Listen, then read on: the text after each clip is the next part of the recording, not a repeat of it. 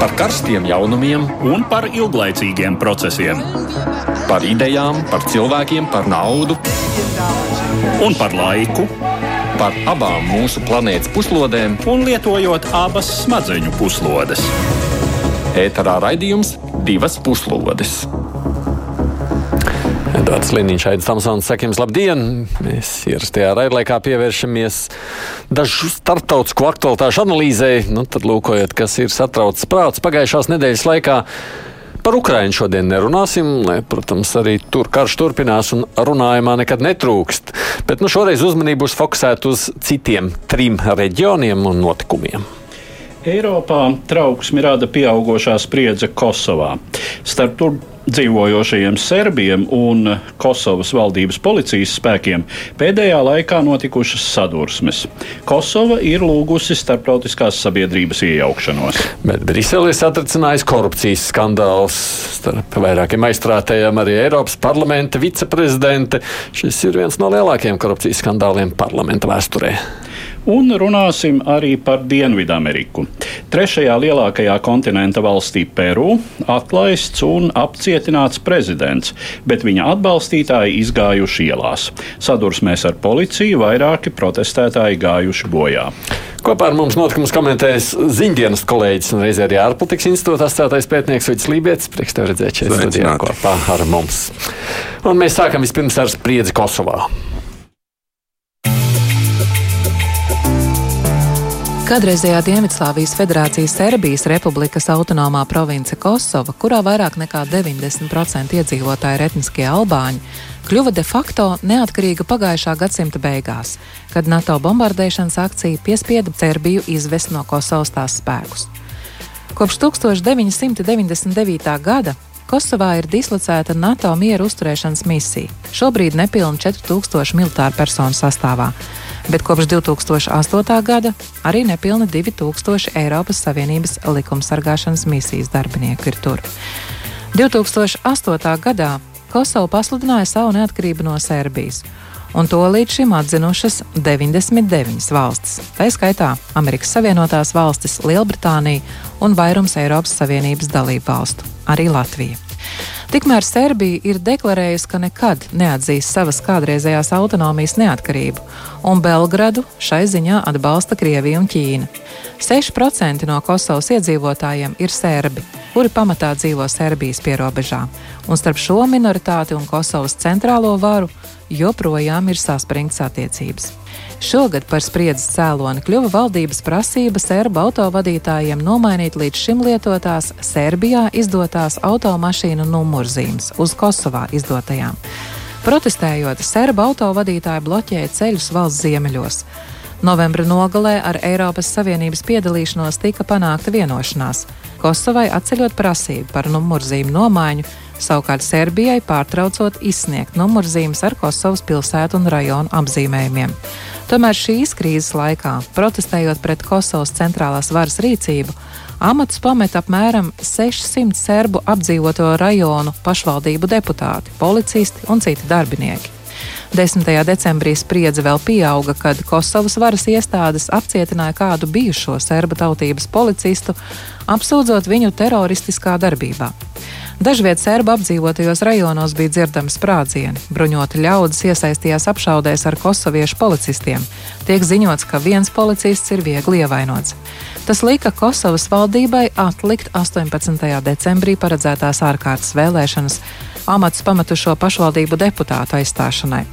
Pagājušās nedēļas nogalē vispirms Serbijas premjerministre Anna Brnabiča, pēc tam arī prezidents Aleksandrs Vučičs paziņoja, ka Serbija pieprasīs NATO misijai atļaut ievest serbu spēkus Kosovas ziemeļos, jo kosoviešu policija apdraudot turienes serbu drošību. Kosovas prezidenta Vjosa Osmanī uz to reaģēja ar paziņojumu, ka jebkādu serbu spēku ieviešana Kosovas teritorijā tiks uzskatīta par agresiju.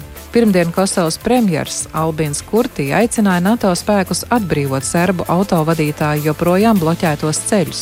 Savukārt Serbijas prezidents Vučičs pēc Nacionālās drošības padomas sēdes paziņoja, ka tiecoties pēc spriedzes mazināšanas.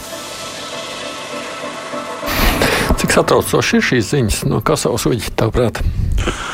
Nu, pirmkārt, jau tas saspīlējums, līdzīgi kā daudzos šādos nu, līdz galam neatrisinātos politiski jūtīgos jautājumos, viņš nekad nekur nepazūd. Viņam ir vajadzīgs tikai tāds uh, maziņš piešķīliens, lai tas ugunsgrēks aiziet uz nu, plašāk. Jau minētajā numurzīmju skandāls, tas nu, liekas, nu, kas ir numurzīmes. Nu, nevienam tur nebūtu. Bet, Bet tā ņemšanās bija mēnešiem faktiski. Mēnešiem ceļu bloķēšana, sadursmes, viss kas. Nu, nu, mēs redzam, ka tas jautājums, lai arī politiskā līmenī gribētos mūs redzēt gan Kosovo Eiropas Savienībā, gan potenciāli Serbiju, bet redzam, ka tur iekšpusē tur nav nemaz ne tūt kaut kādam atrisinājumam. Nu, Protams, ka ja, ja tās bažas ir, ka šāds te, ot, iekšējais konfliktiņš uh, viņš var iziet ārpusē kaut kur. Kāds var mesties palīgā vienam, kāds var mesties otram, tad sākās atbalstīšana, neatbalstīšana, atkal tālāk politiska tirgošanās par kaut ko, pret kaut ko. Nu, tas viss ir, tas reģions nav stabils pēc savas būtības, ne īsti politiski, ne ekonomiski, nu, līdz ar to jebkādi mm. šādi nu, saspīlējumi var tikai to visu padarīt daudz trauslāku. Tā pašā laikā likās jau kādu brīdi, nu, tā kā nu, tā klusāk, mierīgi likās. Nu, vienkārši varbūt nebija konkrēta iemesla. Eh, bet uh, Uģis jau ļoti pareizi raksturoja to situāciju. Nu, Balkāni vairāk nekā pirms simts gadiem ir nosaukti par Eiropas pulvermucu. Un šķiet, ka bijis arī tāds Eh, to gan laikam teica par kaimiņos esošo Maķedoniju, ka tā ir šīs pulvermucas deglis. Bet Kosova ir turpat līdzās un eh, arī dzen, eh, tāpat vēsturiski bijusi etniski jaukta teritorija. Tagad tur ir lielum lielais vairums albāņu, bet albāņu, tā albāņu majoritāte tur ir veidojusies arī tādā īpatnējā procesā, jo pirms simts gadiem uh, Albāņi bija mazāk nekā puse šai teritorijā, pārējie bija serbi. Un tad bija dažādi procesi, tā izskaitā Serbijas Socialistiskās Federatīvās Republikas valdība šo autonomiju tiešām bija iedalījusi Nu, Serbija, kā zināms, līdzīgi Padomju Savienībai sastāvēja no Savienotajām republikām, un tad bija Serbijas republikā bija divas autonomijas, Vojvodina ziemeļos, kas bija atvēlēta Ungāriem, Ungāru minoritātei, un uh, Albāņiem dienvidos Kosova. Uh, un Kosovas uh, serbiem vispirms viņi otrā pasaules kara laikā daudz bija migrējuši no turienes projām, bēguši faktiski. Uh, jo serbi cīnījās par Dienvidslāvijas neatkarību, savukārt Albāņi diezgan aktīvi sadarbojās ar nacistiem, ar vācu okupācijas varu. Uh, un Dienvidslāvijas uh, sociālistiskā valdība saviem serbu pilsoņiem neatļāva atgriezties viņu mājās. Nu, daudz arī negribēja atgriezties, jo Kosova bija Serbijas visatpalikušākais, visneattīstītākais reģions. Bet Visa šī procesa rezultātā, nu tātad uz Dienvidslāvijas sabrukšanas brīdi, uh, Albāņu bija apmēram 82%. Mm. Uh, un tagad ir 92 šķiet, ja, un serbi 6. Nu, tie atlikušie tur ir mazliet maķedonieši, mazliet horvāti, mazliet vēl kaut kas, vēl kaut kas. Uh, Īsāk sakot, nu, ja mēs varam iedomāties, ka teiksim, apmēram simts gadu laikā ļoti radikāli nomainās, eh, mēs to varam iedomāties, kā samērā īsā laikā, vēsturiski īsā posmā mēdz mainīties teritorijas iedzīvotāju sastāvs. Nu, uh, ir ļoti daudz serbu, kuriem tur ir senču kapi, uh, un uh, savā laikā, viduslaikos, uh, tieši Kosova vienu brīdi bija uh, Serbijas, eh, tobrīd eh, šķiet, bija, tas bija despotāts vai karaļvalsts, neatceros precīzi. Tā tad smagumpunkts tur bija pareizticīgo klosteri ļoti lielā skaitā. Tur bija varas centri, feudālie varas centri un tā tālāk. Tur ir slavenais Kosovas lauks, kur divreiz ir izcīnītas niknas cīņas serbiem pret Osmaņu impēriju. Nu, īsāk sakot, serbiem tā ir vēsturiskas piemiņas vieta. Un tas viss, protams, padara šo jautājumu ļoti, ļoti jūtīgu. No abām pusēm. Un, protams, tas rožainais scenārijs varētu būt, ka Serbija, kas ir uzsākusi sarunas par iestāšanos Eiropas Savienībā, Kosova, kura man šķiet šajās dienās piesaka savu uh, vēlmi iestāties Eiropas Savienībā. Uh, nu, kad tās abas kaut iestātos, tad varētu būt kaut kāds risinājums, nu, kas būtu līdzīgs tam, kas notika savā laikā ar Ziemeļīriju, uh, kā nu, ar Eiropas to. Uh, Savienību. Ziedējošo Jā. kompresīti, atvērtām robežām. Pagaid, šo tēmu vēl neturpināsim, jo papriekš mazliet par aktuālo. Vienkārši mūsu sarunai šobrīd ir telefoniski pieslēdzies Latvijas kontingenta Kosovā komandieris pulkveža leitnants Girts Savins. Savinkungs, hello! Labdien! Labdien jā. Uh, mazliet, lai priekšstatām mūsu klausītājiem, kurā reģionā tad ir Latvijas karavīri un gal galā kā jūs tur izjūtat to spriedzi, par ko tagad runā prese? Nu, Latvijas karavīri atrodas tieši šajā uguņojošajā vietā, kas ir uh, Kosovas ziemeļi.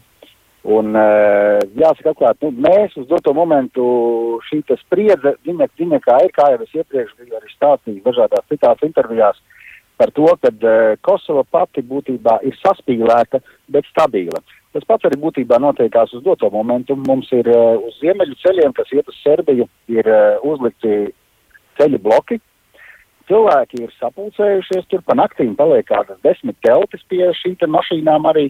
Lielākā daļa no cilvēkiem dabīgi pa nakti pazūd kaut kur, bet nu, no rīta viņi uzrodās atkal. Uh, situācija īstenībā starp šiem pašiem cilvēkiem ir uh, mierīga, miermīlīga arī mūsu latviešu puiši iet ar viņiem gan aprunājās. Nu, viņi stāsta, uh, kad uh, viņu lieta, kāpēc viņi tur atrodas un kāpēc viņi tur stāv, ir uh, tāpēc, lai nepieļautu Kosovas uh, policijas uh, kaut kādu vairāk aktīvāku darbību pie viņiem ziemeļos. Nu, bet uh, lielu tiesu īstenībā visi gaida uz politiskiem lēmumiem, uz politiskās spēles iznākumiem, kas tagad notiekās starp Kosovu un Serbiju. Jo, cik mēs uh, zinām, šodien notiekās sarunas ar Vučiču, tad uh, nu, visi saspringumā būtībā gaida arī šos iznākumus šīm sarunām, kā pie kādiem lēmiem tad arī nonāks. Jūs esat gatavi kaut kādai iespējamai nezinu, notikuma eskalācijai? Protams, ka mēs esam vienmēr gatavi arī eskalācijām, un uh, mūsu, puš, mūsu puiši ir tam gatavoti. Uh, bet uz doto momentu izskatās, ka pret uh, Keiforu īstenībā katrā ziņā vairs nekas netiek. Un, eh, nu, mēs jau arī kā vidotāji būtībā pa vidu arī neutralitāti savu ieturot, uh, uz to uz doto momentu noskatāmies no malas. Jo Keifors kā tāds, viņš ir būtībā trešais spēks, kas uh, kaut kādās nekārtībās ir viņas arī sākas iesaistās. Jo pirmā ir Kosovas policija, pēc tam nāk uh, Euleks, kas ir uh, Eiropas Savienības policijas vienības šeit. Un uh, tad, ja viņi netiek galā, tad, protams, viņi jautā pēc mūsu palīdzības, Keifora palīdzības. Bet nu, mēs esam gatavi, mēs atrodamies 24-7 doto momentu šajā ziemeļu uh, vietās, uh, patrulējam mūsu ceļus, patrulējam mūsu atbildības rajonu, uh, braucam apkārt šiem pašiem ceļu blokiem, kas ir, kas ir apbraucami, un mēs būtībā varam kustēties pa visu mūsu uh, atbildības rajonu, netraucēt, izņemot šos šīs bloka vietas tieši. Un, uh, nu, skatīsimies, kas notiks tālāk. Bet nu, es tajā jūsu balsī saklausu optimismu. Jūs domājat, ka tas varētu arī norimties? Ja? Protams, mm -hmm. jo nu, mēs jau esam reizi mums šajā mūsu rotācijā ir tā gadījies, kad ir nākušas un sākušās visas šīs izaicinošās problēmas ar nostādītajiem datumiem, par numurzīmju maiņām, par ID karšu ieviešanām, un uh, viņš mums tādiem viļņveidīgi būtībā nepārtraukti uzturas spriedzīti, uh, šeit uh, ziemeļos, kas būtībā ir uh, politiskās spēles rezultāts. Paldies! Uh, saku Girtam Savinam, kurš ir Latvijas kontingenta Kosovā komandieris un arī pulkveža leitnants. Oh, nu, redz, salīdzinoši optimistisks skats arī no iekšpuses. Nē, nu, šeit jau no šīs uh, sarunas jau varēja uh, saprast to, ka to jautājumu jūtīgo noteikti ir ļoti daudz un būs daudz. Nu, viņi jau ir pieraduši pie tā. Viņi ir, es domāju, pieraduši pie tā, nu, bišķiņi izmet vilnu, un, un, un, un, tad otrs, uh, nu, viss jau ir atkarīgs arī no nu, no tās karstās asins, kas tev ir, ja viņas mm. būtu vēl tik daudz uzsistas, tad jau tur ietu sen vaļā. Nu, bet uh, pašlaik tur ir tā nu, pietiekami mierīgi, būsim atklāti. Un tas ir varbūt tāpēc arī, ja jau politiskā vadība tomēr saka, ka viņi kaut ko risina, ka viņi stabilizē. Un arī citu, tieši no Serbijas puses ir tas, ka ir arī jāmēģina, jāizrāda tā iniciatīva. Jo parasti jau Serbija ir tā, kas to Kas meklē manā uzdevumā? Nu, Vučičs šeit sacīs, ka viņam šī sestdiena vai svētdiena, kur tā esot bijis grūtākā diena viņa prezidentūrā. Nu, tādā no, ziņā viņš mēģina uzturēt to karstumu. Jā, no, jā, jā. No, viņš, viņš mēģina uzturēt savu situācijas stabilizētāju tēlu no otras puses. Var jau saprast Serbijas valdību, jo, protams, ka serbu sabiedrībā ir dziļa vēsturiskas traumas izjūta par to, ka viņu teritorija ir atņemta, atņemta savulaik viņiem. Teiksim, vēsturiski pēc izjūtas piederīga zeme, tagad vairs nav Serbija. Un Serbu valdībai nākas visu laiku lavierēt un balansēt starp savas sabiedrības to daļu, kam šie motīvi ir būtiskākie un uh, noteicošie politiski, un starp to daļu, kas tomēr vairāk skatās uz Serbijas iespējamo eiro integrāciju, uz šo iestāšanos, kā tomēr valstī labāko, pozitīvāko perspektīvu Vēl jau vairāk tagad, kad nu, Uģis te tā uzmanīgi teica, kāds no ārpuses.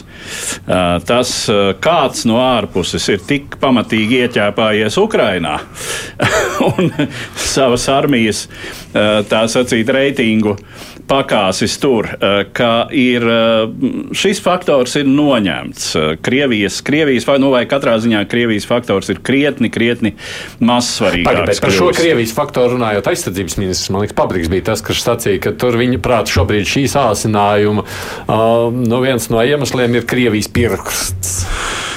Nu, tie taustekļi jau, nu, nu, būsim atklāti, viņi savulaik ir izstiepti diezgan tālu. Daži ir varbūt parāvušies atpakaļ, mm. bet uh, kaut kur jau viņi ir. Un Serbija ir viena no tām vietām, kur tas uh, tā uz naža bala, asmens balansēšana no Vučiča puses joprojām ir tāds draudzīgās saiknes, tomēr ar Kremlu pilnībā saraut tā kā negribās. Ne, nu, no otras nav... puses, tu saproti, ka tomēr tā Eiropa tā kā arī gribētos un vajadzētos. nu, tas ir tas, ko es saku, vai ne? Ka serbu sabiedrībā tā jau nav tikai politiķu spēlīte. Tā, protams, izriet no sabiedrības noskaņojumiem. Un uh, medijos cirkulē fotografija. Uh, visai bieži pārpublicēta, kur ir uh, liels sienas zīmējums, kur ir Eh, Kosova uz Serbijas karoga fona un Krima uz Krievijas karoga fona un uzraksts Krima ir Krievija, Kosova ir Serbija. Bet atceramies, ka mums, tā, ka mums abrēns jautājums bija, kā šķērslis Eiropas Savienībā, Ad, cik emocijas, un kur tad abrēna, ne, salīdzinot abrēnu ar Kosovu? Nu, es domāju, ka ne? šeit varbūt tā, atkal tā vēsturiskā saikne varētu būt izteiktāka. Un, Jā, nu, ja teiksim, ja teiksim šobrīd, ja, ja Abrēna būtu vieta kur savā laikā būtu atradusies eh, Latviju lielākā svētbirs, mēs to zinātu. Tur būtu pilns ar mūsu zin labi zināmiem, vēl vēsturisko laiku pilskalniem. Mums vēl tā vēsture taču ir krietni senāka, vai ne? Mums, ne, nu, vai ne? Nu, mums ir senāka. Nē, es domāju, ka Abrēni prom no Latvijas. Nu, no, no, Abrēni īsti nekad nav bijusi pat Latvijas, izņemot tiešām to 20 beigas, gadus nu, starp jā, kariem. Nu, tas, tas ir, man šajā brīdī, es kāpēc atcerējos seno labo Žana Klodu Junkeru Junkera teicienu par to, ka mēs visi zinām, kas būtu jādara. Bet nu, vienmēr ir jāpaturprātā, ka tev ir vēlreiz jāievēl. Līdz ar to es domāju, arī Vučičam nu, ir diezgan liela izvēles priekšā. Viņš ir nu, tiešām ir jāspēlē uz savu iedzīvotāju vēlmēm, un tev vienlaicīgi ir jāņem arī vērā gan tie tavi solījumi, ko tu esi devis starptautiski, gan arī jācer uz to, ka tomēr nu, būsim realisti. Arī pašlaik uh, finansiālā situācija daudzās Eiropas valstīs nav tā vieglākā, un tāpat pati Eiropa, tai pašai Serbijai, tīri kādreiz varētu arī nākt palīgā. Jā, un, mēs jau zinām arī to, pierod, tas jā. otrs draugs ir pazudis jā, mēs zinām arī to, ka sabiedrībā jau šie noskaņojumi mēdz uh, svārstīties, un vienu brīdi lielākā sabiedrības daļa ir noskaņota uh, par, nu, teiksim, šajā gadījumā par uh, labu lielās Serbijas idejai, un kaut kas pamainās, un uh, vairāk nāk, teiksim, Eh, tie proeiropeiskie un līdz ar to uz izlīdzinājumu orientētie noskaņojumi. Nu, pamazām es domāju, paudzēm mainoties, aizejot uh, citā saulē tiem, kuri vēl atceras. Uh, nu, Nu, šajā gadījumā, teiksim, pēckara, pēckara Serbiju, jā, Tito Serbiju, kas arī bija pietiekami liela, pietiekami reģionā ietekmīga, arī starptautiski pamanāma valsts. Uh, nu, jā, šīs emocijas, šie, šie motīvi, Serbi bija Dienvidslāvijā apmēram tāpat kā Krievi Padomju Savienībā. Tā, cementējošā, centrālā, tā kodola nācija. Jā. Bet pabeidzot tikai Serbijas stāstu, jau ejot tajā Briseles virzienā, no nu, Eiropas Savienība ir tas mērķis gan Kosovai gan Serbijai, vai ne? Nu jā, arī pagājušā nedēļā, tad, kad Albānijā bija šis Eiropas Savienības un Rietumu Balkānu samits, tad Vučičs draudēja, draudēja, ka viņš turieni nebrauks vispār. Nu, viņš bija apvainojies, tāpēc, ka kosovieši arī tur būs un savas potenciālās uh, ambīcijas gribētu izrādīt, taču beigās tas viņa paša izteikums bija, ka, protams, var nebraukt, izrādot savu protestu, bet tad tev ir jāmē, jārēķinās ar tām ilgtermiņa negatīvajām sekām, kas var nākt tavai valstī. Nu, to, angliski ir tas, tas statesmanship vai nu, valsts vīra rīcība, ka tu it kā domā arī nedaudz plašākos, nevis tikai emocionālos jēdzienos, bet pragmatiskos ilgtermiņa nu, risinājumos un skatījumos. Un es domāju, ka Serbijai ir grūti pieņemt, bet tas Kosovas eiro integrācijas process lēnām virzās uz priekšu. Un, ja Serbija jau ilgus gadus šīs sarunas diezgan neveiksmīgi virza kaut kā, tad Kosova diezgan konkrēti uz to strādā. Un, un, un šeit ir tas, ka viņi viņus var, var, var pat panākt. Man liekas, tas pat ir būt lielāks uh, bīstamības moments, ka, uh, nu, ka Kosova varētu tikt pa priekšu Serbijai. Nu, vienīgā nianses, ka viņi vēl visi nav atzinuši to Kosovu. Bet, bet, visticamāk, kā Šveicē vajadzētu pieņemt, nu, apmēram tā, jā, ja vispār pieņemt.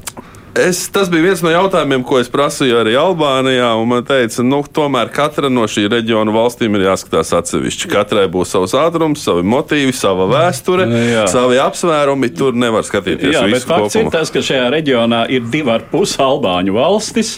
Uh, viena ir Albānija zināmā, vai ne? Otra ir Kosova, un trešā ir Maķedonija, mm. kur arī ir ļoti liela albāņu uh, iedzīvotāju daļa. Mm, jā, nu, pabeidzot, es tikai līniju rakstu, neviens adekvāti domājuši cilvēks negrib redzēt Serbiju Eiropas Savienībā. Es pieļauju, ka arī pašai nu, Eiropas tad mēs varētu teikt, ka neviens adekvāti domājoši negrib redzēt tur vēl, vēl Turciju, kas ir kandidāta valsts, tad negrib redzēt Ukrainu, kas būs karīs postīta, tad Grūzija, kur ir liels bardaks, Moldova, kas ir nabadzīga un tā tālāk un tā joprojām. Bet tā ir šo valstu izvēle, atcerēsimies primāri to. Nu, nu, kamēr esam Eiropas reģionā, droši vien dažs labs negribēja redzēt Eiropā Latviju, Lietuvu un Igauniju. Padomju pagātni visiem tikumiem un vispār diez vien zina, kas tie tādi tur ir. Bet par Eiropas Savienību ir vēl kāds notikums, par ko mums ir jārunā, un tas ir izraisījis tādu pamatīgu satraukumu. Tātad mums vispirms ievads tematā. Vakar Eiroparlamenta deputāti ar 625 balsīm par un tikai vienu pret atcēla no amata vienu no parlamenta viceprezidentiem deputāti no Grieķijas Evu Kailī.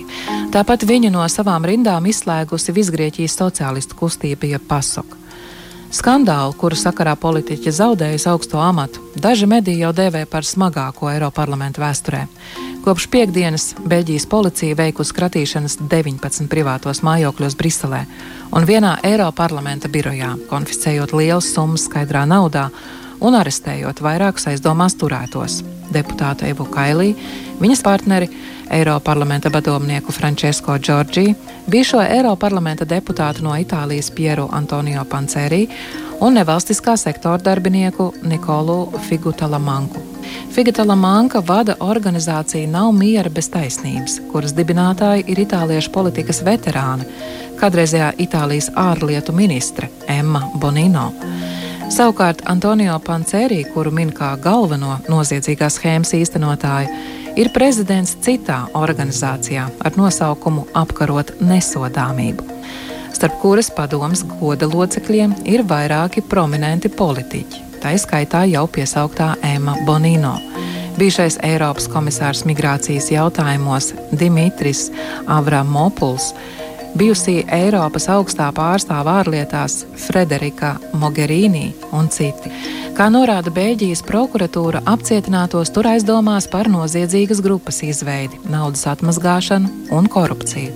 Bet lietas pamatā ir kukuļošana, kuru veikusi kāda no Persijas līča valstīm. Bēļģu presa atklāja, ka runa ir par Kataru. Bagātais emirāts, kuram pieder trešie lielākie dabasgāzes krājumi pasaulē, šobrīd ir pasaules futbola čempionāta norises vieta. Futbola čempionāta sakarā ir runa par nežēlīgu, grandiozās būvēs nodarbināto viestrādnieku eksploatāciju. 24. novembrī Eiroparlaments pieņēma rezolūciju, kurā norādīja uz tūkstošiem bojā gājušo un savainoto, kuru ģimenēm būtu jāsaņem kompensācija. Deputāte Kailī uzstājās debatēs, apgalvojot, ka Katara esot izcilākais progresa piemērs darba tiesību jomā savā reģionā. Pēc visa spriežot, Dohas režīms par ogļu ūdeņraža dolāriem pirts sev lobbystus Eiroparlamenta augstākajā līmenī. Eiropas komisijas prezidente Urzula Fonderleina izteikusies, ka šis skandāls nopietni apdraud sabiedrības uzticību Eiropas Savienības institūcijām. Savukārt Eiroparlamenta prezidenta Roberta Metsola nodēvējis to par uzbrukumu Eiropas demokrātijai. Sargādienas studijā kopā ar mums ir kolēģis Vidus Lībijams. Vēl mums ar Zoom platformu pievienojas Latvijas televīzijas sporta studijas producents Divs Reiznieks. Sveiks, Divi! Man. Nu, dzirdam, jā. Cerams, ka vēl labāk dzirdēšu tūlītās. Palīdz mums divi sakārtot domas, mazliet rausties mikrofons. Kāpēc? Nu, Kā mēs saprotam, tātad katrs futbola čempionāts saimniekiem. Kāpēc viņiem ir bijusi vispār interese uzpirkt, jeb nu, korumpēt Eiropas parlamentu svarīgus cilvēkus? Vispār, ko tu par to visu saki? Nu, te ir tas stāsts, kas katrai līdzi iet jau no 2010. gada, kad um, kopā ar Krieviju tās tika pasludināts par um, pasaules kausa saimniecēm, par lielu šoku daudziem. Un, eh, ja mēs redzam šokējošu ziņu un vienu no bagātākajām pasaules valstīm uz, uz vienu iedzīvotāju, tad uh, loģiskā ķēdīte ir visai skaidra uh, - kukuļošana. Um, tiesa, jā, jāatzīst, ka šajos 12 gados Katara tā arī nereiz tiesā nav atzīta par tādu, kas būtu kukuļojusi. Kāpēc obligāti jābūt viņai kukuļošanai? Kāpēc viņi vienkārši nevar vinnēt un sarīkot čempionātu? Tāpēc, tas nav vienkārši kaut kāds sporta notikums. Tas ir pasaulē lielākais sporta notikums. Protams, atnāks Olimpiskās, vasaras Olimpiskās spēles, un mēs teiksim, ka tā, tas ir lielākais sporta notikums. Bet uh, neapšaubām pasaules kausa futbolā ir lielākais sporta notikums līdz ar vasaras Olimpiskajām spēlēm. Un tas, ir, um, tas nav jautājums par sportu. Tas ir jautājums par statusu. Tas ir jautājums par vietu pasaulē. Tas um, ir jautājums par to, kā mm, pacelt sevi jaunā statusā. Uh, šobrīd es sekojot līdzi arī ārpus futbola lietām, um, lasu interesantus uh, rietumu kolēģu novērojumus, piemēram, pa katras uh, televīziju, ejot uh, nu, burtiski katru, katrā reklāmas pauzē, ejot reklāma Katras Nacionālās bankas reklāma, kuras galvenais teksts ir, ka šī, šis pasaules kauss ir par to, lai iekarotu visas pasaules sirdi. 220 miljārdus dolāru pasaules bagātākās valstis tāpat vien neizmet par vienu sporta notikumu. Un, nu, lūk, un, un, un šajā sakarā jāsaka, tātad, lai arī no paša sākuma visiem gribējās runāt par to, ka lūk, pasākums ir nopirkts, katra ir viss piekukuļojies, katra nav nevienā tiesā zaudējusi. Vai ne? viņa nekur nav atzīta par vainīgu. Tiesa, ja mēs paskatāmies no otras puses, tad 16 no 22 cilvēkiem FIFA izpildu komitejā, kas pieņēma lēmumu par Kataru, piešķirtai tiesības rīkot pasākumu. Tā vai citādi savu reputāciju ir zaudējuši. Ja tur starp šiem, starp šiem 16 ir gan notiesātie, gan apsūdzētie, gan tālāk, tā tālāk un tā joprojām. Tagad, skatoties par šo pēdējo jaunāko ziņu, nu, Eva Kailija, ok, protams, ka ir vajadzīgs kāds tev Eiropas parlamentā, kurš uzstājas ar šādām runām, kuras jau tika citētas. Man gan interesants likās viens cits cilvēks starp šiem aizturētajiem, Luka Vincentī. Tā tad Evas Kailija dzīves biedrs, esot bijis šīm vīram, kurš laikam bija Eiropas parlamenta deputāts un nesen ievēlēts par Startautiskās arotbiedrību konfederācijas vadītāju, ir, ir bijis palīgs. Tur man, tur man tā arī, protams, mēs neko nezinām, vēl tiešām tās informācijas ir gana maz. Uh, Bet kāpēc gan katrai būtu interese par pasaulē lielāko arotbiedrību federāciju, nu, ir zināms aizdoms. Nu, jo, jā. jā, jo tāpēc, ka, jo tāpēc, ka katra, katrs lielākā problēma šajos pēdējos gados ir bijusi britu žurnālistika. Viņi ir bijuši tie, kuri ir visaktīvāk sekojuši līdzi tam, kā, tie, kā katra gatavojas pasaules kausam. Un uh, šis izdaudzinātais cipars, 6,5 tūkstoši mirušo, sagatavojoties katrai, tas arī nāk no, no Britu gārdiem. Un, un, um, protams, ka um, te ir, tā, ja mēs gribam būt objektīvi, tad, protams, ka šī te, nonākot zem šī palielināmā stikla, katra ir veikusi tādas reformas, kas uh, šajā reģionā līdz tam bija kaut kas neiedomājams. Kafala sistēma likvidēta, kas principā neļāva migrantam mainīt darbu, vai, nu, principā, jā, tāds mūsdienu vergs bija. Tā ir atcelta, ir ieviesta pirmo reizi visā reģiona vēsturē minimālā mēneša alga. Protams, tā ir smieklīga attiecībā pret katras pilsoņa algām, ja? bet, protams, ka kaut kādi soļi darīti. Un, un, un, Bet kā to, bet kā to cilvēku atcerēsies šo turnīru? Diez vai dēļ, dēļ tā, ka katra ir nu, tā, veikusi lielo izrāvienu savā infrastruktūrā un tam līdzīgi. Visdrīzāk atcerēsies dēļ Marokas fantastiskā snieguma uz sporta laukumu. Klausies, Suģi, nu, redzi, bet arī tādai. Nu, Protams, valstīm ir jāmēģina kaut kā nopirkt savu reputāciju. Nu, nopirkt, to sauc nu, par lobēšanu. Jā, jā, jā. Dažās vietās tas sauc par reputāciju. Ne, nu, protams, no jebkurā arī katras valsts, pieņemsim, vizuālā tēla kampaņa, jeb turista, turisma kampaņa, tā arī ir savas uh, pievilcības vairošana. Reklāmas kampaņa tā var būt uh, nu, apelējot uz cilvēku jūtām vai, vai, vai, vai vēlmēm. Uh, tā arī ir investīcija, kas tev potenciāli atmaksāsies. Šeit ir cēl, spēle citā līmenī. Šeit tiek ietekmēti lēmumi, kas uh, var nākotnē valstī nest uh, lielāku interesi no rietumu pasaules, gan investīciju ziņā, gan ekonomikas ziņā, gan tirzniecības sadarbības ziņā, kas atkal nu, tie jau vairs nebūs turistu, teiksim, desmiti tūkstoši vai simtu tūkstoši. Tās būs investīcijas tirzniecība miljardos. Līdz ar to atkal skatoties, cik tu ieguldi naudu, nu, teiksim, nu, nu, viceprezidentē, viņas draugā un vēl dažās kompānijās. Ja, tas droši vien var atmaksāties. Un, un, un īstenībā, kad Dievs teica, ka nu, par veiktajām reformām viņš citēja Evu Kailī, kas tieši tāpatās Eiropas parlamentā stāstīja par to, cik labas ir bijušas šīs reformas. Un, un, un tur jau tāda interesanta lieta par to arotbiedrību federāciju, par to, ka uh, par tiem pārkāpumiem dažādos celtniecības projektos un cilvēku bojāju tos traci bija cēlus Eiropas arotbiedrība, tā federācija, nevis starptautiskā. Mm. Un līdz ar to, tad, kad viens no šiem cilvēkiem tagad ir kļuvis arī šīs starptautiskās federācijas amatos, tad arī tā starptautiskā reakcija varbūt arī pat nav bijusi tik asa. Līdz ar to tur arī tas iet tur tādās niansītēs, kāpēc tieši tā kompānija un tam līdzīgi. Varbūt, lai pieklusinātu. Un... Bet, skatoties uz visu to notikumu, man šķiet, Un vai tas bija tā vērts? Man liekas, ka tā par to katru drīzāk priekšstats ir vēl traņķīgāks nekā bija pirms.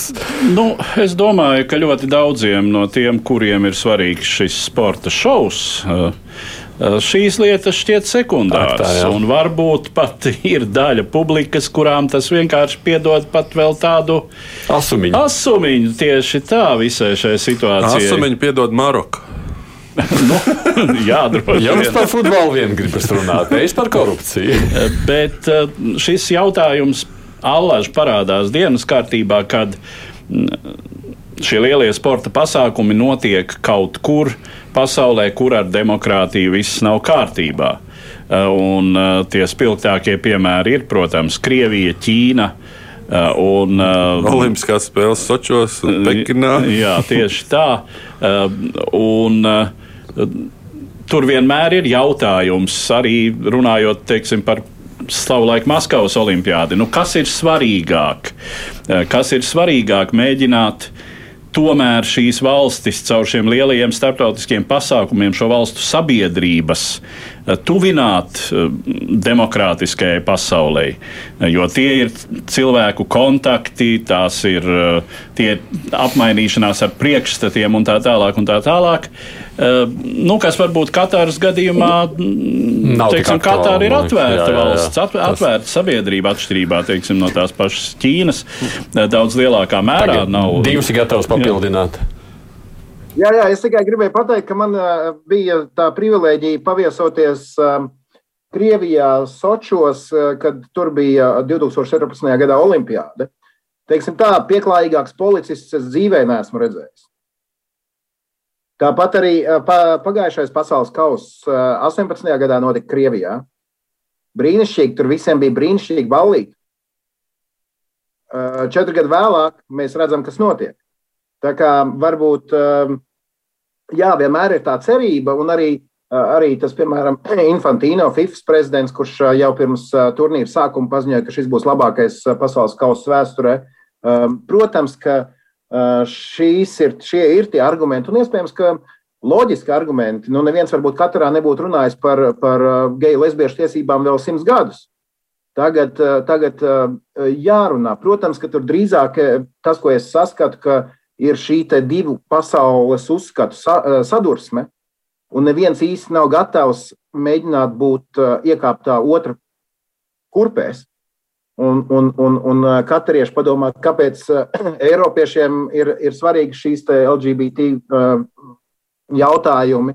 Un savukārt no rietumu puses, tā kā mēs, piemēram, šobrīd um, pārmetam Krievijas nosacītajai opozīcijas presē imperialismu runājot, Latvi, runājot ar Latviju. Tāpat iespējams, ka šādi te uh, katarieši skatās uz, uz Eiropiešiem, kuri te grib atbraukt un dzīvot pēc, savām, pēc savas kārtības. Uj, Jā, nē, es, es tikko klausoties Dievu, atcerējos, ka es arī pieklājīgākos policistus redzēju Baltkrievijā hokeja čempionāta laikā. Līdz čempionāta beigām, gan tur jāsaka.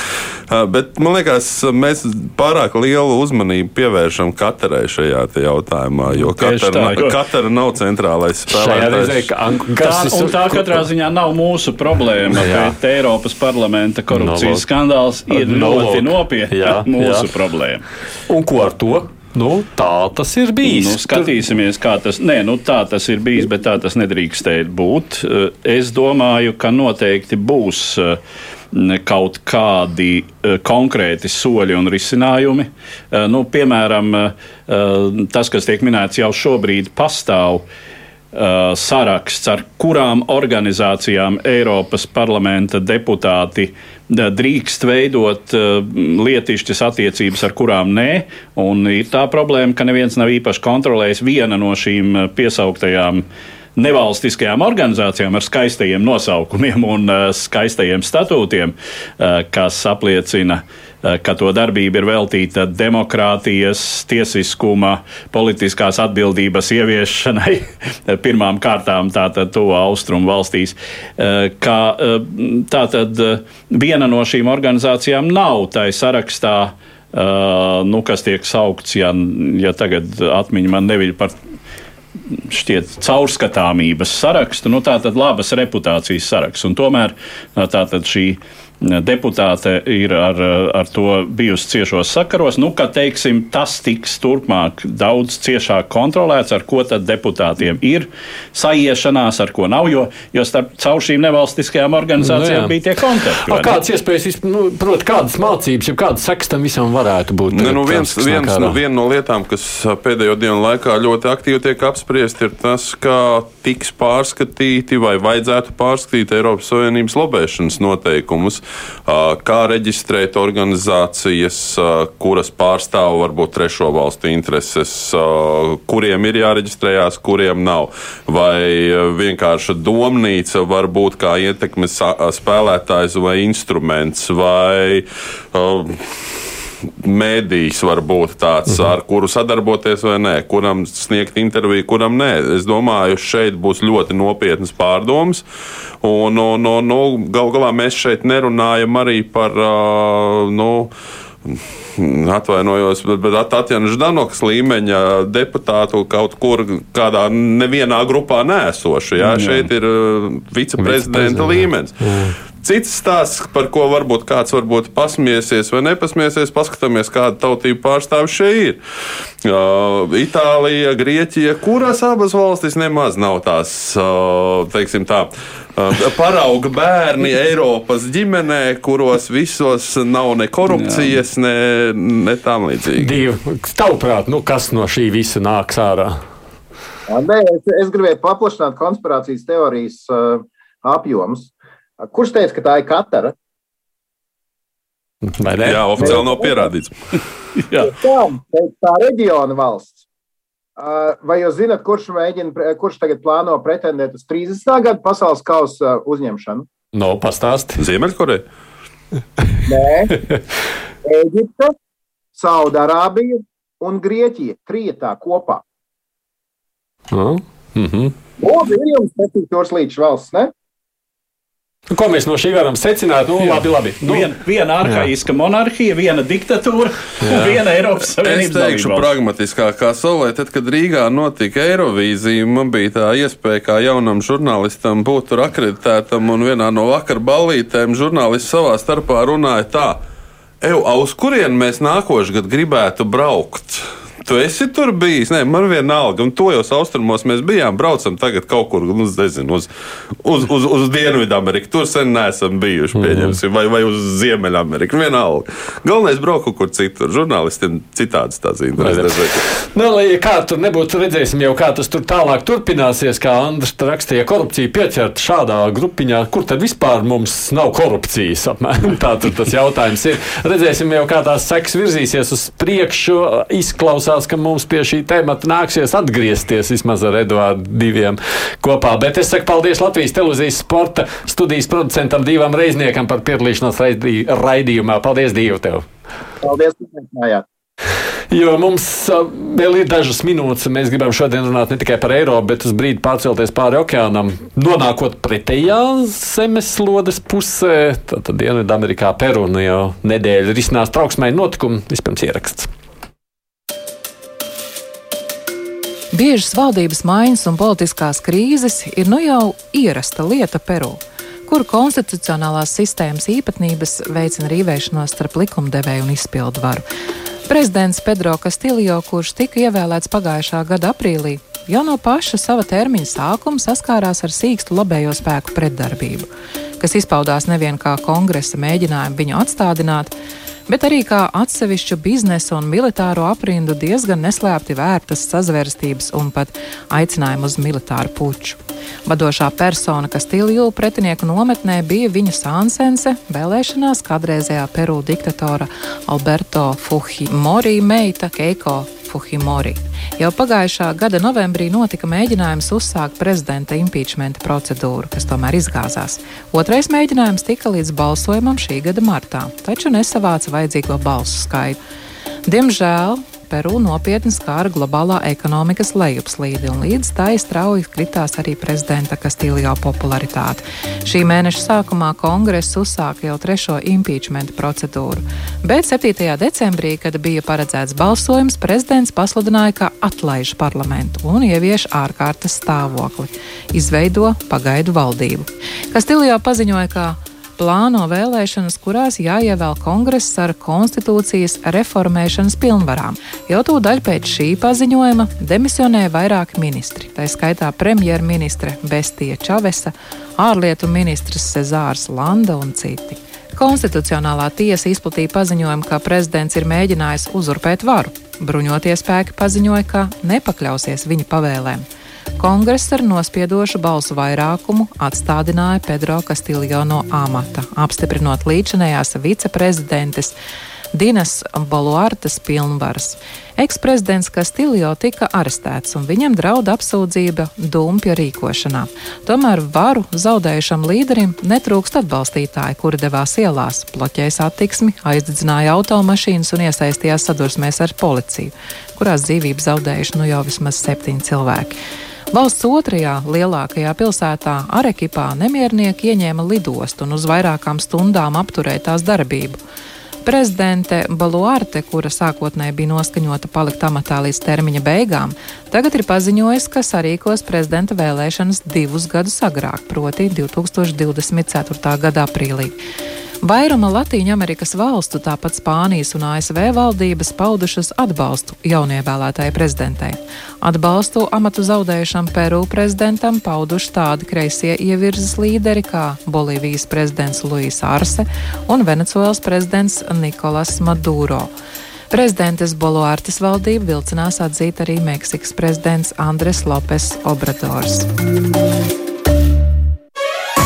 Divas puslodes! Raivis pat aina, bet nu, palīdziet man tādu saprast, kāpēc prezidenta parlamentā pretstāv abas tautas ievēl vai ne? Nu, vai nu mazums gadījumu, kad tauta ievēl vienas ievirzes prezidentu un parlamentā dominē citi politiskie spēki, šajā gadījumā labējie.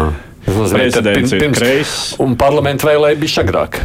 Jā, šķiet, ka To, to es atzīšos, nepaskatījos. Vienkārši tā, tā, tā, tā, vēlēšanu cikliem. Ja vēl prezidentu, parlamentu, nu tā kā laikam uzreiz nepatīk parlaments. Ja vēl prezidentu, uzreiz nepatīk prezidents. Viena lieta, kas nav, nav. Peru situācijā varbūt arī diezgan raksturo situāciju, ir, kas tad atbalsta, teiksim, prezidentu un kas atbalsta, nu varbūt parlamentu šī gadījumā. Parlamentu vairāk. Stāsts ir par to, ka prezidentu mazāk atbalsta galvaspilsēta un galvaspilsētas iedzīvotāji. Nu, tas būtu tā kā Rīgu. Uh, mūsu prezidentu atbalsta uh, Rīga. Bet uh, prezidenta vēlētāji nāk no laukiem. Tur tajā gadījumā vairāk tas ir no Andu reģions. Viss. Līdz ar to tās ir atkal iespējams divas pasaules, kas dzīvo katra savā realitātē, ar saviem uzskatiem, savām vērtībām un savām prioritātēm. Un atkal mēģināt šo izpatikt varbūt abiem, nevienmēr ir tas vieglākais veids, un daudzas Latvijas Amerikas valstis to ir pierādījušas.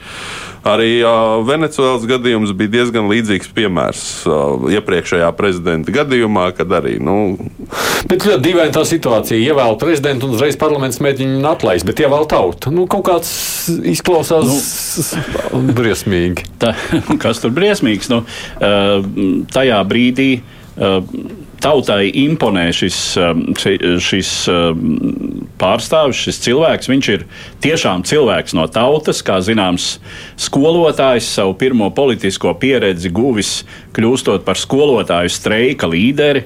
Uh, tas ir visai spilgti, nu, un tad pamazām izvirzījās. Tā kā bija vēlēšanas, mēs par to runājām. Es atceros, jā, jā, to tieši, tieši tā, jā. Mēs teicām, ka tas, ko Zelenskis izdarīja uz ekrāna, to Kastiljo izdarīja dzīvē. no skolotāja par prezidentu.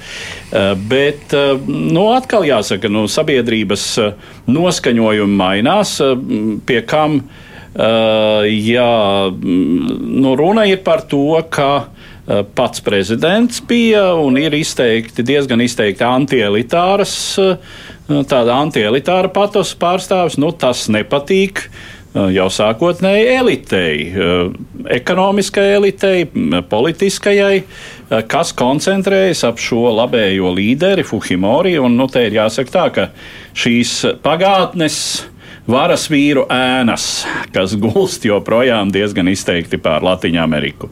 Fuhimori bija diktators, ievēlēts leģitīmi kā prezidents, bet pēc tam Uh, veicis varas sagrābšanas um, tādu aktu, tātad, un lielu daļu sava varas laika, kas bija pagājušā gadsimta pēdējā desmitgade, Uh, sabijis kā diktators. Pēc tam bija spiests bēgt no valsts. Mēs par to runājam, tā kā pagājušajā gadā atgriezies un šobrīd bija, sēž cietumā. Jā. Uh, cita starpā, kas netraucē viņa meitai būt uh, Kandidātei. vadošajai personai, tātad pašreiz bijušajam, nu jau bijušajam prezidentam nelabvēlīgajā pretējā nometnē. Bet tās pilnvars prezidents un parlaments, kurš tā ir kāda valsts? Nu jā, tur ir, tur ir arī tā ir, tā ir parlamentāri prezidentāla, bet bet uh, nu, daži momenti satversmē dod parlamentam salīdzinoši lielas tiesības izrīkoties ar prezidentu, piemēram, ko, kas arī tiek minēts, kāpēc šie impeachmenta mēģinājumi bija jau no paša sākuma un tik aktīvi, uh, ka uh, Peru konstitūcijā ir ļoti izplūdis formulējums um, prezidenta morālajai atbilsmei. Uh, šķiet, tā tas, tā tas ir formulējums vai tulkojams. Ja? Uh, tā tad uh, tāds izplūdis motīvs, ar kuru parlaments var uzsākt impeachmentu. Faktiski pat bez uh, ļoti nopietnas faktoloģijas. Tur jau arī ir bijušas izmeklēšanas par korupciju, un nu, tur ir vairākas pat tās lietas bijušas, ja nemaldos, pret prezidenta ģimeni.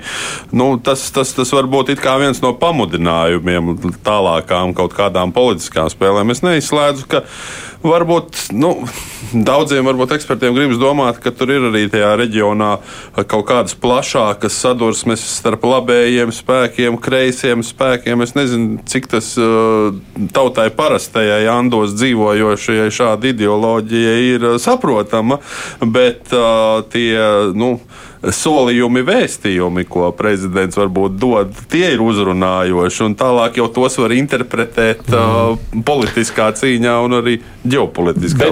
Tas, ja pieņemsim prezidentu atlaiž vai ap, apcietiņš šajā gadījumā arī nu, nenozīmē uzreiz automātiski tā kā nākamā prezidenta vēlēšanas, jo tur tā kā viceprezidenta pārņem. Nu, tas ir sa savukārt saskaņā ar konstitucionālo sistēmu, gadījumā. ar parlamenta balsojumu.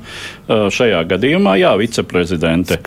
Bolārte ir stājusies amatā. Kas viņu izvēlējās kā viceprezidenti? Jā, tas ir diezgan, nu kā, nu, protams, tas tas sākot, sākotnēji Kastiljo, viņi bija Kastiljo komandā. Un te ir tāds interesants moments, ka iespējams, ka to, ka notiks tieši šāda nomaiņa, kā uh, tā sacīt, uh, labējā opozīcija prezidentam izvēlēsies viņa viceprezidenti, nevis mēģinās kaut kā citādi to risināt.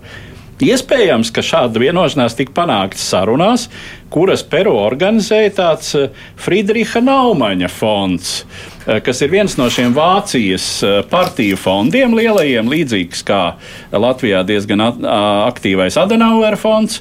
Tikai šajā gadījumā tas ir saistīts ar Vācijas brīvo demokrātu, tātad uh, liberālu demokrātu partiju, kas ir šobrīd Vācijas valdībā. Un, uh, Tie starptautiskie pirksti jau. Nu, Mm, pirms tam mēs runājam par Krievijas taustekļiem. Nu, Latvija Amerika jau nav nekāds uh, izņēmums, un, mm. un, un tas varbūt mums liekas tāls un neinteresants varbūt reģions. Bet pieņemsim kaut ko, ņemsim vērā kaut vai to pašu. Atkal pieminēšu Venecuēlu, kurā joprojām ir pasaulē lielākās naftas rezerves, kuras pašlaik faktiski ir bloķētas. Mm. Ir... tas tam visam tur. Man ir viena minūte nobeigšanai. Kas notiks ar nemieriem? Uģi? Tur ir grūti prognozēt. Tur var arī ievilkties ilgā, ilgos strīdos, bet nu, tas viss ir atkarīgs no tā arī, kā, tiešām, kā vara, vara rīkojās un ko šajā brīdī dara nu, tiesību sargājošais iestādes arī armija.